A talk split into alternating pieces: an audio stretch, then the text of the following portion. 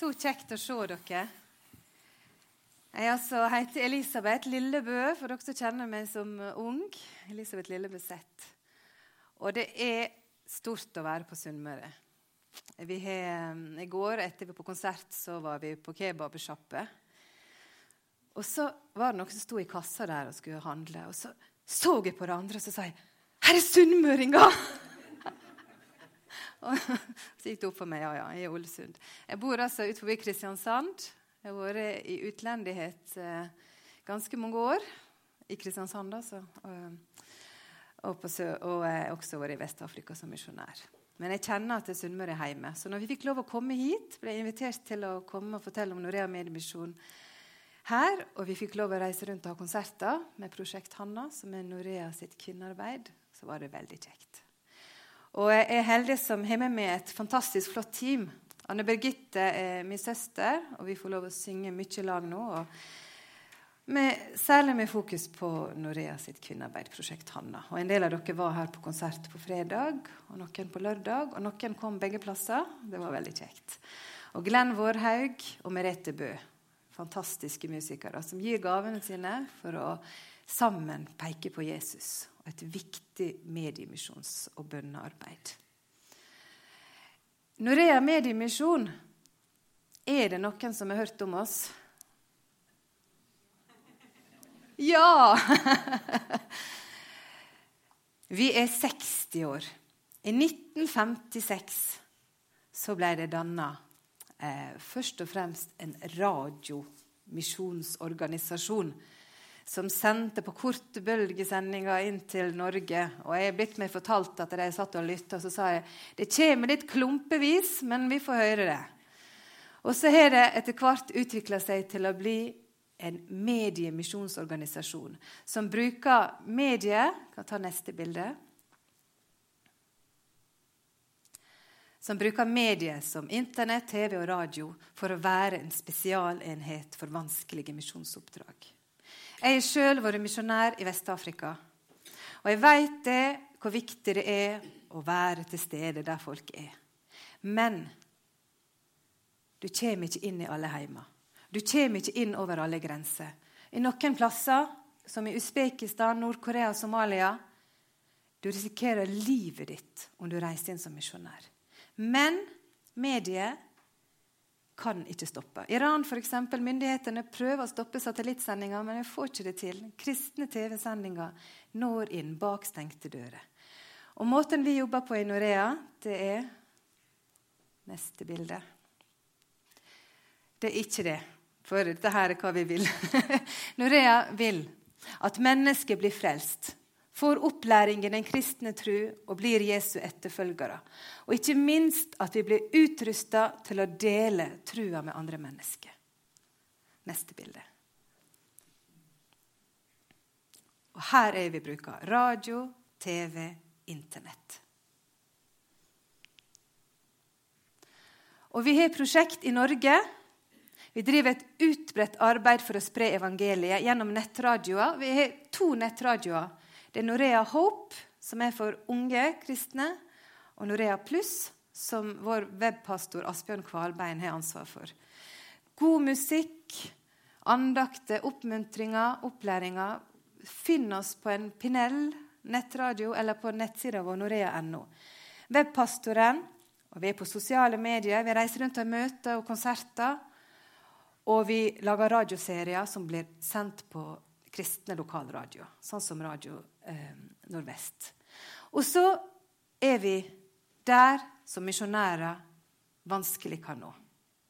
Gjennom radio i Etiopia, Nord-Korea, Kina, Tanzania og veldig mange andre land. TV i Midtøsten. Og som veldig mange av dere vet, så er det i Midtøsten og i Sentral-Asia og Nord-Korea setter du livet ditt på spill om du blir en kristen. Men det er mennesker som møter Jesus, og det er veldig mange som forteller at de har møtt han gjennom TV, gjennom radio og gjennom Internett og sosiale medier. Og der er vi. Og for å kunne nå enda flere og enda lenger ut, så trenger vi jo støttespillere.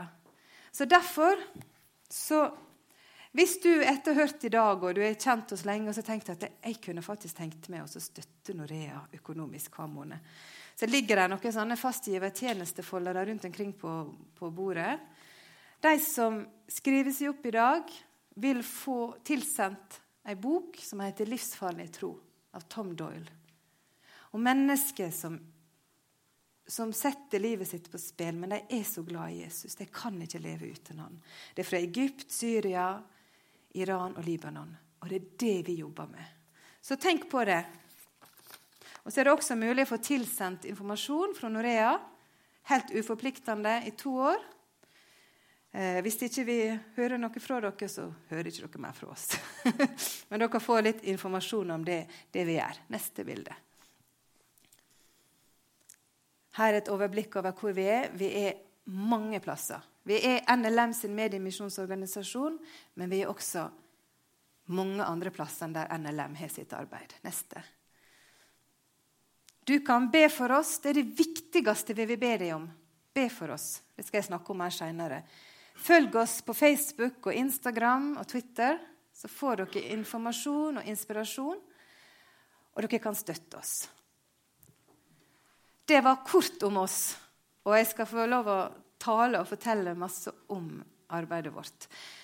Og så er det slik at Når dere inviterer meg, så inviterer dere også musikken min.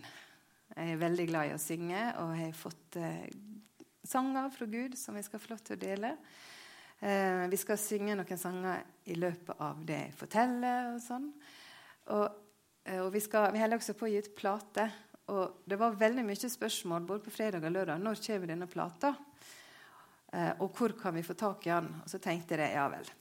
Jeg lager ei liste. Så hvis dere har lyst til å være en av de første som får plata når den kommer ut i juli, så bare skriv dere på, og så sender vi posten. Da skal vi begynne med å synge ei bønn. Vi lever i et samfunn som, der alt skjer så fort. Og jeg vet ikke, Kanskje ikke du er som meg, men ofte når jeg setter meg ned med Guds ord, eller på et møte, så begynner tankene å vandre. Og så er det så masse som, som forstyrrer meg. Og så er Jesus som den gode hyrde. Vi kan be han om å komme, Vær hos oss. La oss få se hvem han er, og hvor uendelige rike vi er i han. Så nå skal vi synge 'Herre, kom'.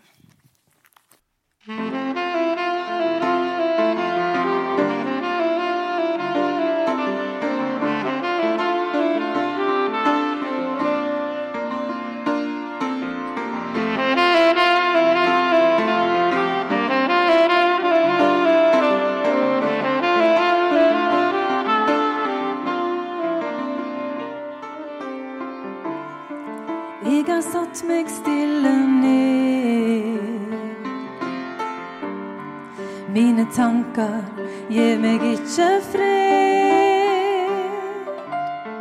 Du den gode hyrden min. Kom og gi meg freden meg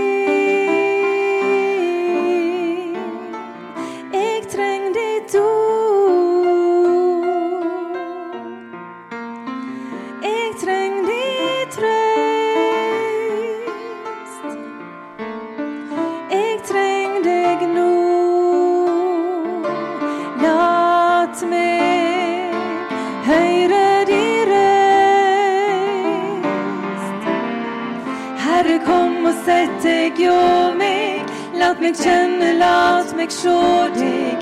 Lat meg skjønne at du er min far.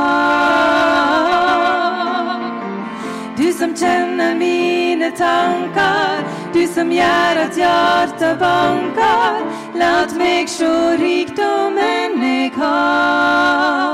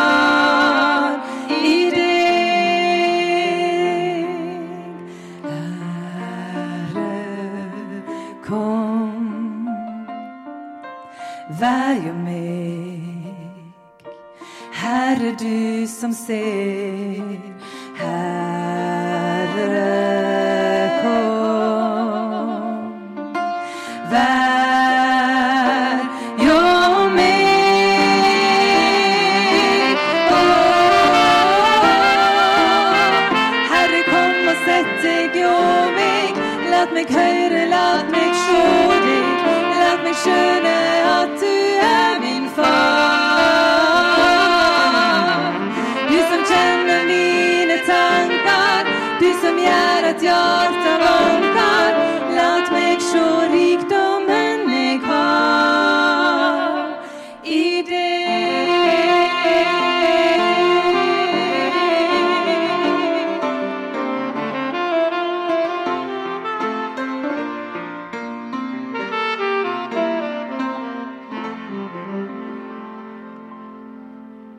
Herre, kom og sett deg hos meg. La meg kjenne og la meg se deg. La meg få skjønne at du er faktisk min pappa, min far. Og du som kjenner mine tanker, du som gjør det slik at mitt hjerte banker. La meg få se den rikdommen jeg har i deg. Takk for at du er her, Jesus. Og takk for at du vil tale til oss i dag. Takk at du vil bruke meg til å vitne om deg og det store du gjør i den store verden at du bryr deg om den enkelte.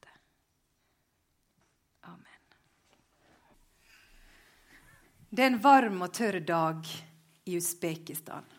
Sola skinner på bilen der noen kristne brødre, eller venner, de kaller seg brødre, er på vei hjem til det området der de vokste opp. Og Der er det veldig få kristne. Og de som er der, de har veldig vanskelige kår. Der er forfølgelse og press fra myndigheter, og ikke minst fra storfamilien sin. Og det er daglige utfordringer. Og det er ulovlig å eie en bibel eller samles i menigheter. Eh, likevel så de kristne som er der, møtes og feirer treårsdager og fyller alle kristne som er der, så de kan be sammen og lovprise sammen i skalkeskjula med ei stor bursdagskake. Arkabad, som jeg velger å kalle han, for jeg kan ikke si hva han heter. Han er helt siden han ble en kristen, hatt et hjerte for å nå sine egne med budskap om Han, som er den eneste som kan gi fred og frelse.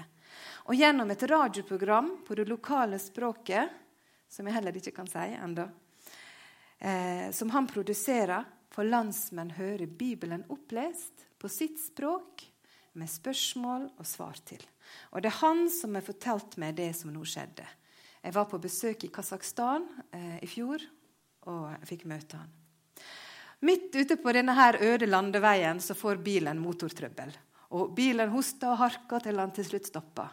Og Mens den ene mannen står og kikker under panseret og skal prøve å finne ut hva som er galt, så ser han andre at det er noen som jobber ute på et jorde. Jeg ser for meg at det var bomull, for det er veldig vanlig i Usbekistan. Og så sier han, vet du, de der det er kanskje den eneste muligheten de har til å høre om Jesus. Jeg må gå og fortelle. Han var som veldig mange av de kristne møtte, alle, fantastisk frimodig vitne om Jesus. Midt i vanskelighetene. Men svaret som kommer når han begynner å fortelle dem om Jesus, det hadde jeg ikke regna med. Jesus? Ja, han kjenner vi. Hæ? Kjenner dere Jesus? Eh, har dere vært i ei kirke? Har dere, har dere møtt noen kristne? Nei. Men hver uke vi skrudde på radioen og kom fram til en, en radiokanal som hver uke forteller fra Bibelen og med spørsmål og svar til. Og Vi har tatt imot han, og det er flere her i landsbyen vår som er blitt kristne. Og Så fortalte de om folk som møttes, og så satt de og skrev ned Bibelen. Radioen for disse menneskene hadde blitt Bibel, det hadde blitt undervisning, og det hadde blitt oppmuntring, og det hadde blitt et kristent fellesskap. Radioen hadde nådd inn der kristent vitnesbyrd på andre måter ikke kunne nå. På en øde landevei i et ørkenland. Og Jeg syns denne historien fra Sentralleset er så sterk. Og det er sånt et eh, perspektiv til den bibelteksten som jeg har lyst til å, å tale over i dag. Om et såarbeid i tru uten å vite resultatet av det vi gjør. Og så er det sånn at Når Jesus sier noe viktig om Guds rike, så henter han ikke eksempel fra det veldige kosmos eller det overnaturlige livet med engler og, og sånne ting. Eller det som er veldig imponerende. Nei, han velger et eksempel fra det heimlige. Fra naturen, fra landbruket. Noe som folk kjenner seg igjen i.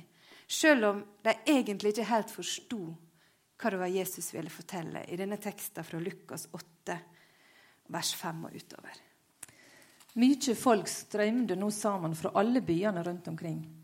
Da en stor folkemengd hadde samla seg om han, fortalte han dem en likning. En såmann gikk ut for å så kornet sitt, og da han sådde, fall noe attmed vegen. Det ble nedtrakka, og fuglene under himmelen kom og åt opp. Noe fall på steingrunn, og det visna med det samme det kom opp, fordi det fikk ikke hvete. Noe fall mellom klunger, og klungeren vokste opp sammen med korn og kvelte det. Men noe fall i god jord, og det vokste opp og ga grøde, hele hundre ganger det som ble sådd. Da han hadde sagt dette, ropa han ut, Den som har øre å høre med, høyr. Siden spurte læresvennen han hva denne likninga skulle tyde. Han svarer, Dykk er det gjeve å kjenne løgndommene om Guds rike. Men de andre får det i likninger for at de skal se, men ikke se, og høre, men ikke skjønne. Likninga tyder såkornet er Guds ord. De attmed vegen er de som hører ordet, men så kommer djevelen og tek, uh, imot mm, Tek det bort fra hjertet deres, så de ikke skal tro og bli frelst. De på steingrunn er de som tar imot ordet med glede når de hører det. Men de har ikke rot. De tror ei tid, og når de blir satt på prøve, faller de fra. Det som faller mellom klunger, er de som vel hører ordet, men som på veien gjennom livet blir kvelt av sorger og rikdom og nytinger, så de ikke ber fullmogen grøde. Men det i den gode jorda, det er de som hører ordet og tar vare på det i et fint og godt hjerte, holder ut og ber grøde. Dette er historie med så utrolig mange aspekt. Jesus legger vekt på jordsmonnet som såkornet blir sådd i.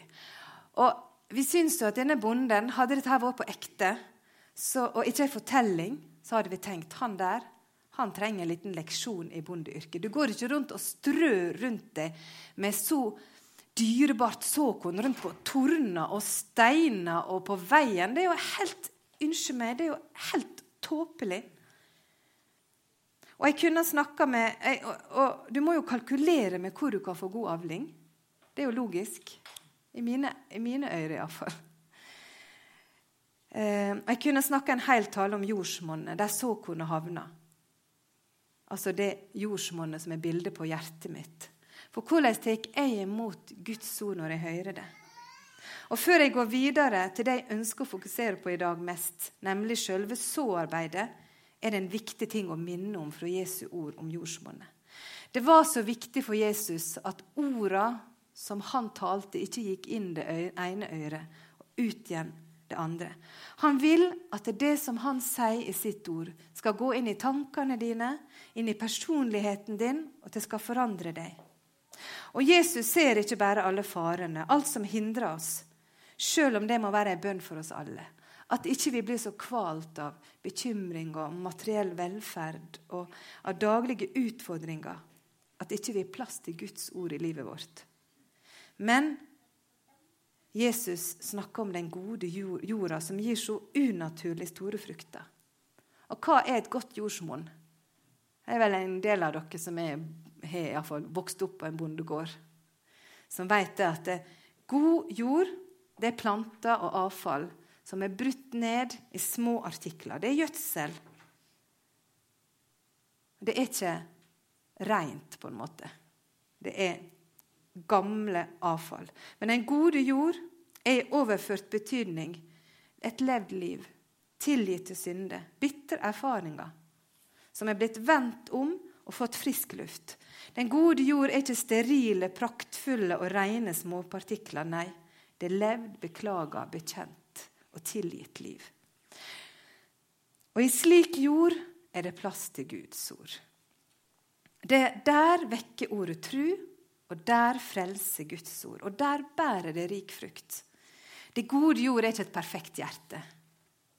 Det gode jord det er et hjerte som ser at en trenger Jesus og har sitt ord for å nå hjem til himmelen. Hva betyr Guds ord for deg? I Kolosserne 3,16 så står det La Guds ord få bo rikelig blant dere.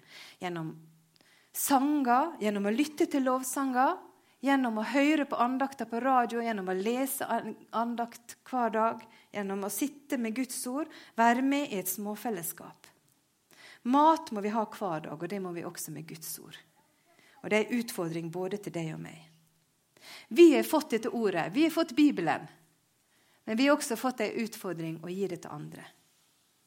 Gud har gjort seg avhengig av hans sine vitner på jord. Vi er Guds såmann.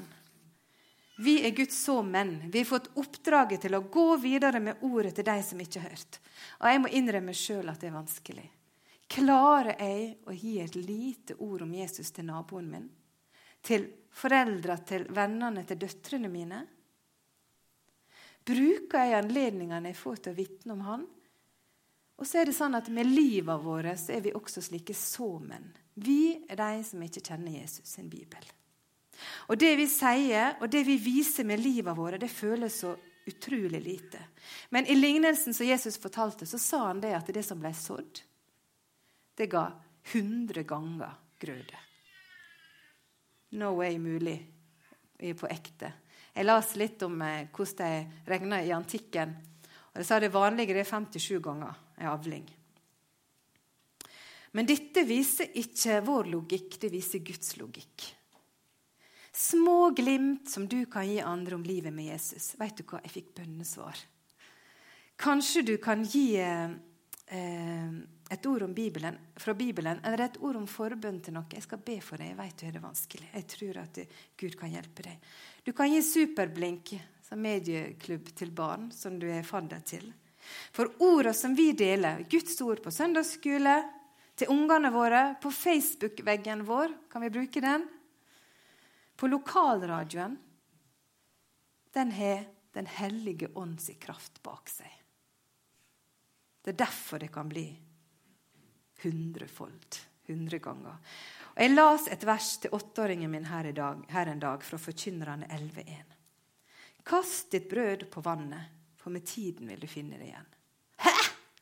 Kaste brød på vann og finne igjen? Skal du mate enden, eller? Så jeg forstår logikken. Brød som du kaster på vannet, enten så bare smuldrer det opp, eller så blir det et opp av ende eller fisk, eller hva det skal være. Guds logikk er ikke vår. Vi ønsker å kalkulere og vite. Alle bedrifter som har en viss eh, respekt for seg sjøl, kalkulerer før du gjør noe. Men Gud ber oss kaste ut såkornet på der det ser ut som det er torner, der det ser ut som det er ikke. Det kan være noe god jord. Og Gud kan gjøre store ting. Det er han som kan gi vekst. Vi tror at det ingen hører på, kanskje, men så er det et lite trosfø som blir sødd i hjertet. Tør vi å la oss bli brukt som såmenn der vi er? Vi skal synge en sang til. En sang som jeg skrev for mange mange år siden etter å ha besøkt Verma bedehus oppi, på vei mot uh, Bjorli. Der er det et fantastisk bilde av Jesus på korset. Og Så satt jeg og så på det, og så slo det meg er dette virkelig for meg. Og så er det det. Og så sier han at vi kan få lov til å tjene han.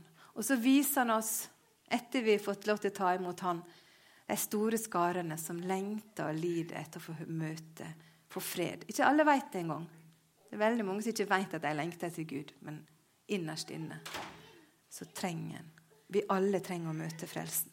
Nå skal vi synge den. Det er Anne Birgitte som skal synge.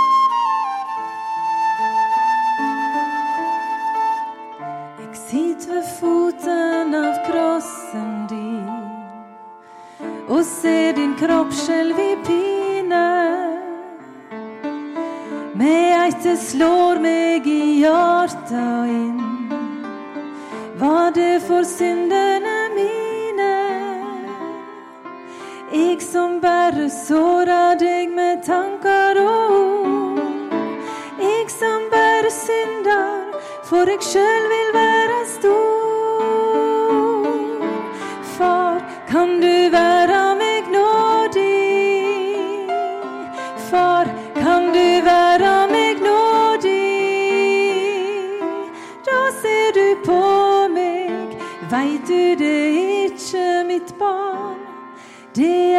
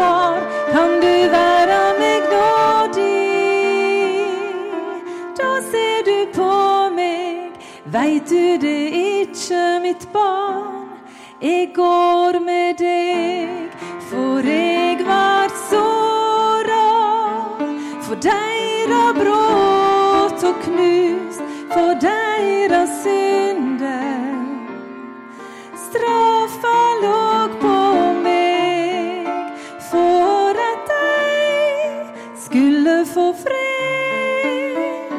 Over mine sår har deg fått lekedom.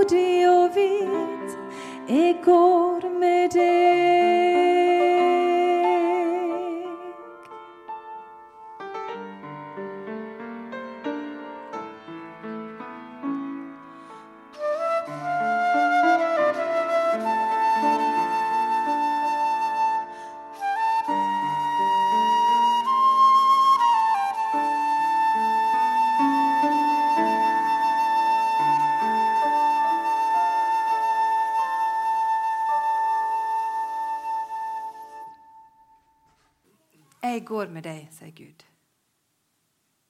Jeg gir deg styrke. Som kristne så har vi et ansvar med å bringe Guds ord til hele verden. Og vi står i en lang misjonstradisjon. En livsviktig tradisjon.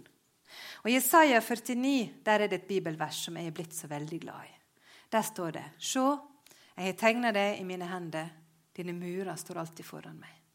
Og Disse murene har jeg fundert litt på. Og jeg ser for meg slike murer som Gud ser som er foran, kan være ting som hindrer deg i å se hvem du er i Jesus Kristus. Det kan være ting i vårt liv, men det kan også være andre murer. Det kan være grenser eller hindringer. Det kan være fysiske grenser, som grensene inn til Somalia, som bare hindrer folk i å møte et kristent vitnesbyrd. Det kan være sosiale. Du må være hjemme. Mannen din nekter deg å gå ut. Hvordan skal du møte et kristent menneske da? Språklige barrierer. Du forstår ikke språket, du er innvandrer. Mennesker som er unådde med evangeliet fordi de bor i områder i verden som er stengt på tradisjonell misjon, eller rett og slett at livssituasjonen hindrer deg å møte en kristen. Der grenser hindrer mennesket, der når TV og radiosignaler ut. Og Internettrevolusjonen, på godt og vondt, har blitt et uendelig mektig redskap til å nå mennesker med ord om Jesus. Forrige søndag så vet jeg at dere fikk høre masse fra Elfenbenskysten. Dere som var her om Radiomisjonen. Leif Thomas Gjerde talte. Og Jeg vil også ta dere med til Elfenbenskysten, der jeg og min mann var misjonærer i noen år. Eh, NLM har drevet misjonsarbeid blant Mao-folket siden 84. Og Norea er involvert i dette radioarbeidet mot Mao-folket, en muslimsk folkegruppe som fortsatt må sies å være unådd med evangeliet. Jostein hadde samme jobben som Leif Thomas hadde. Han var ansvar for radio- og mediesatsinga i, i Elfenbenskysten. Jeg vil ta dere med på ei lyttergruppe i en bydel i Abidjan som heter Ferai. Jernbydelen. Og Se for dere et halvtak og et eh, betonggulv, og der sitter det en gjeng mannfolk rundt en radio. Der er damene rundt Eh, noen sitter og stikker pinner i ruller med fisk og skal røyke det. og Noen vasker ungene sine, og radioen står på høyt. Så kommer tamtamtrommene, og så kommer Mao-røsten, som forteller om Jesus og om Mao-kulturen på deres språk. De fleste maoene bor jo nordvest i Elfenbenskysten, det er Mao-land. Men pga. krig, på grunn av arbeid osv. Så, videre, så er det veldig mange som bor i Abidjan. Og som nordmenn gjorde i USA, så går vi sammen, vi som hører sammen. Så det var en, dette var en Mao-bydel.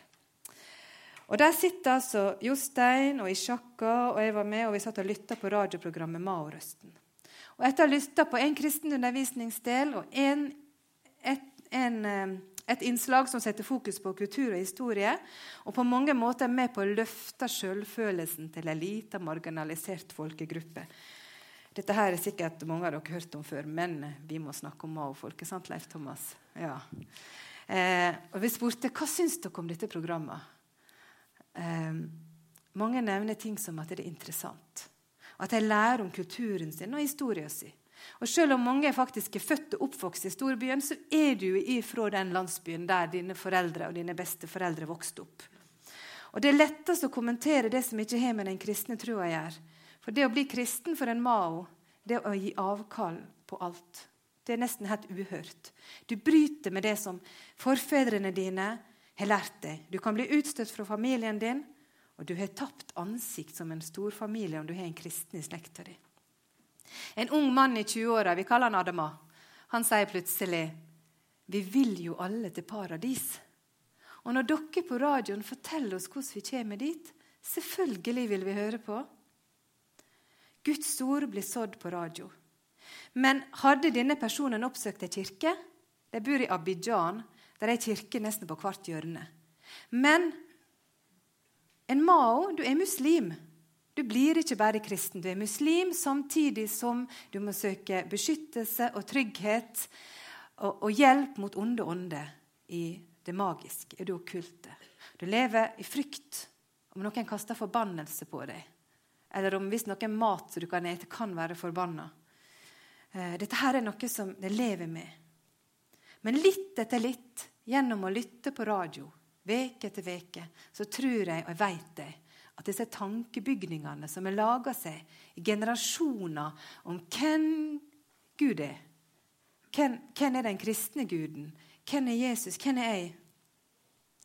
Eh, det vil bli brutt ned litt etter litt. Guds ord, undervisning, historie og nære stemmer på radio på ditt språk, som litt etter litt begynner å snu verdensbildet ditt.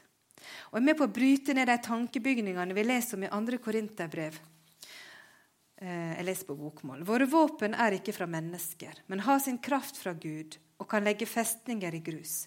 Vi river ned tankebygninger og all stort og stolt som reiser seg mot kunnskapen om Gud.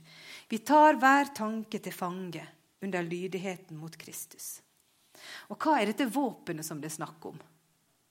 Er ikke det Guds ord? Er ikke det hans sitt ord? Er ikke det Bibelen?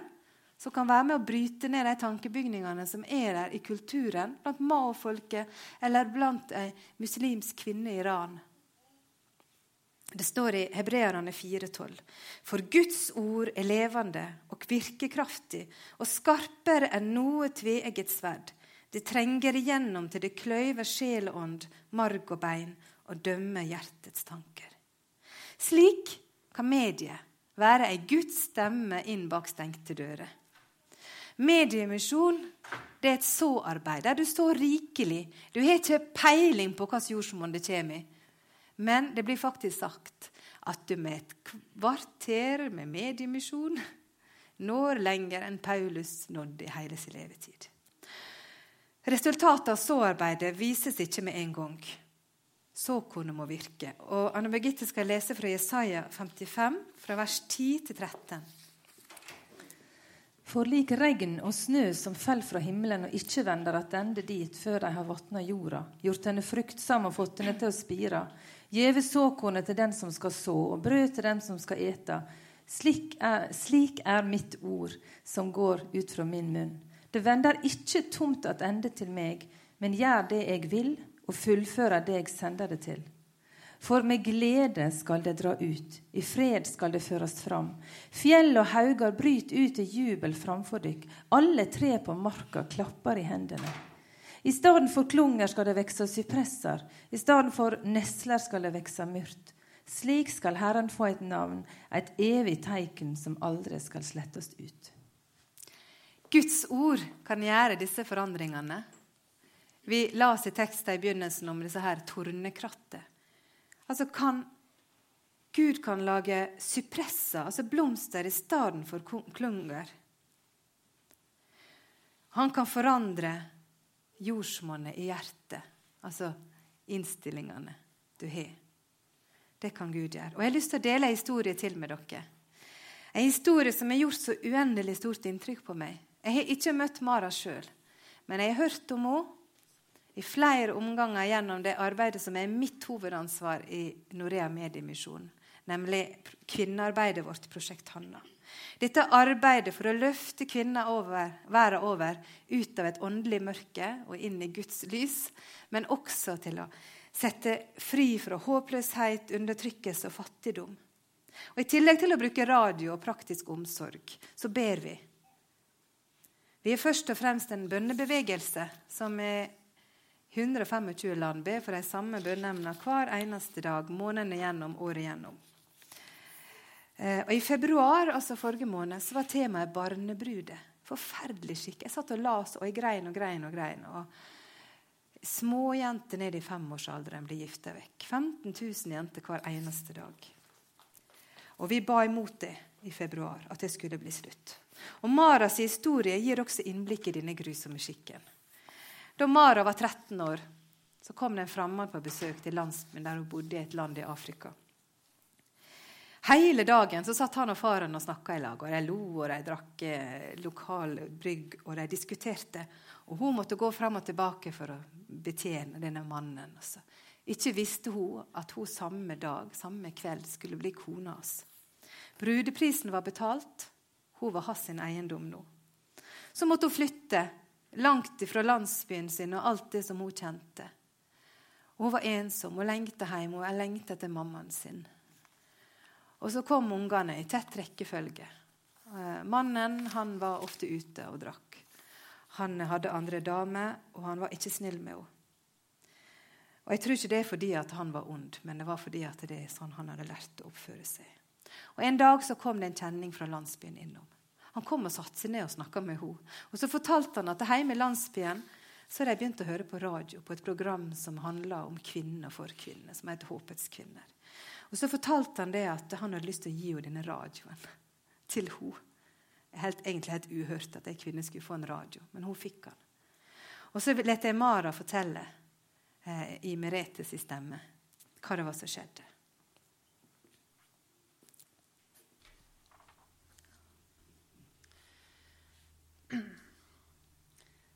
Det var som stemmene på radioen var venninner som satt i hytta sammen med meg. De forsto hva jeg gikk gjennom. De fortalte meg ting jeg ikke hadde hørt om, som hvordan stoppe feberen på et barn, og hva slags mat jeg skulle gi barna mine for at de skulle vokse seg sunne og sterke. De fortalte om Jesus som kom for å gi håp. De fortalte at Jesus kunne gi meg den freden jeg lengtet etter. Jeg ba Jesus inn i livet mitt, og jeg fikk fred. Minnene gjorde ikke vondt lenger. Alt forandret seg. Hvordan kunne dette skje? Familien min, hjemmet mitt og alt det andre var fortsatt det samme, men jeg var forandret. Frykten og tristheten var borte. Sinnet som hadde gjort livet mitt så mørkt, var borte. Tårene som vette puta mi når jeg skulle sove, var også borte. Jeg forsto at det måtte være Jesus som hadde flyttet inn i hjertet mitt.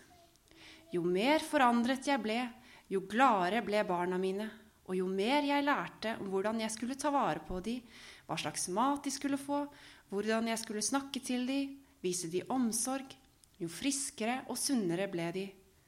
Alle rundt meg merket forskjellen. Takk for at de er der, de stemmene på radioen som er så nære, så kjærlige, og som har endret livet til meg og barna mine. Jeg syns dette er et mirakel i seg sjøl. Hun fikk håp, hun fikk fred og fikk møte Jesus. Men det som skjedde videre, er faktisk enda mer utrolig. En dag så sto det i skyggedøra. Det var mannen hennes. Han bare sto der lenge og så på henne. Og så sa han stille, 'Mara, unnskyld. Kan du tilgi meg?' Han hadde sittet ut forbi døra utenfor hytta veke etter veke og hørt om en Gud som tilga. En Gud som reiste folk opp. Og nå ønska han at Gud kunne forandre han slik som Gud hadde forandra Mara. Tenk på det.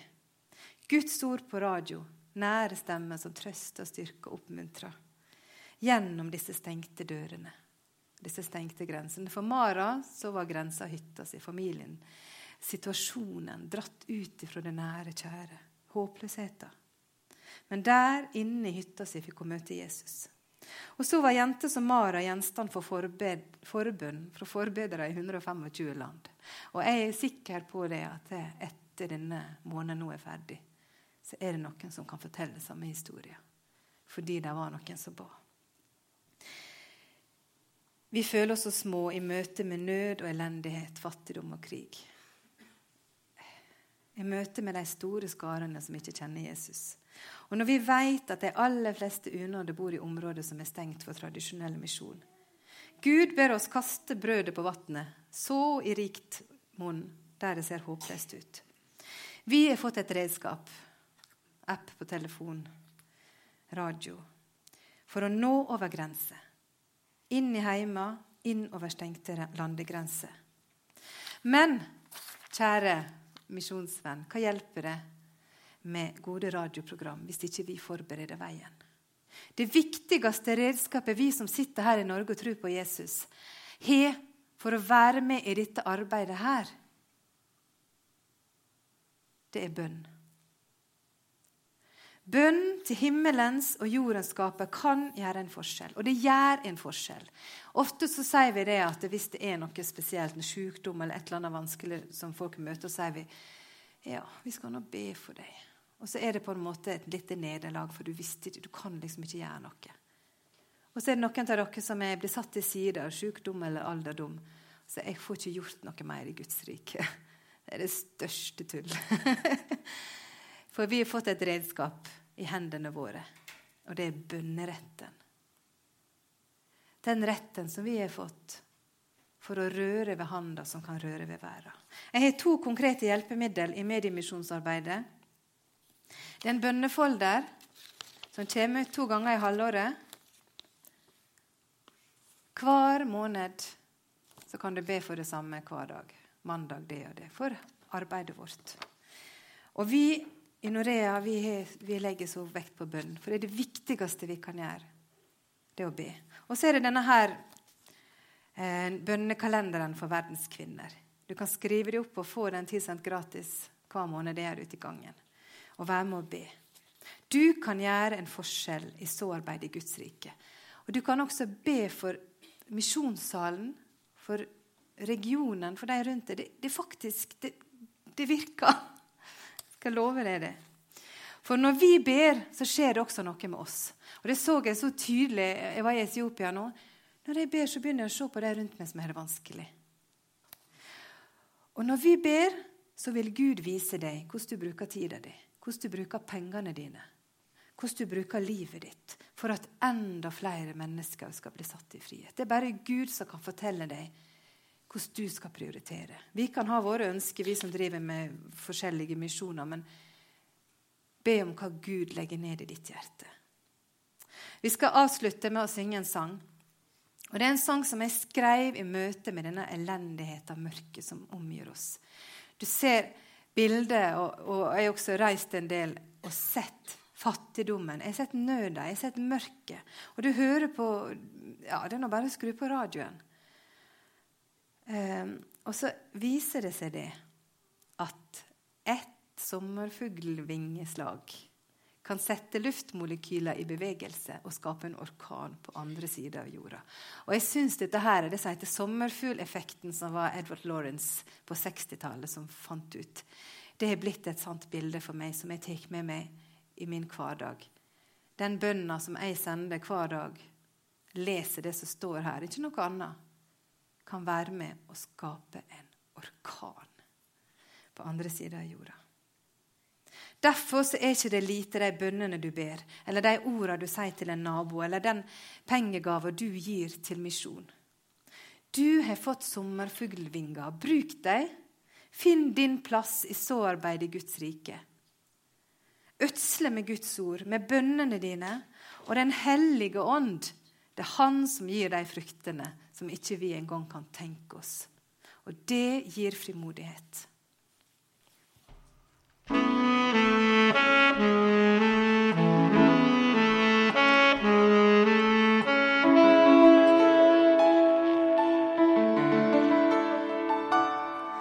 ser nøda i eit barnesinn og tårer på eit mammas kinn, og du spør deg om hvor lyset er.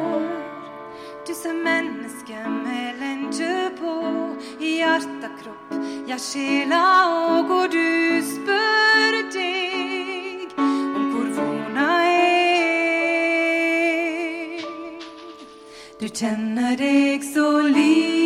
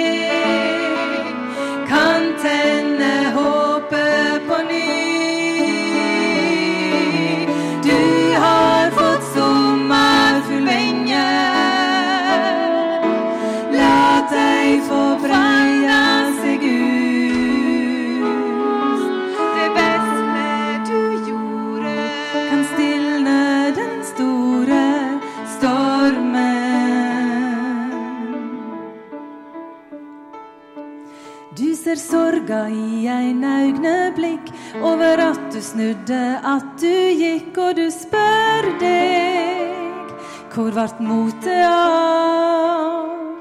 Når land og folk har nok med sitt, og kjærleiken den kjennes litt, og du spør deg hvor vart motet av? Du sier du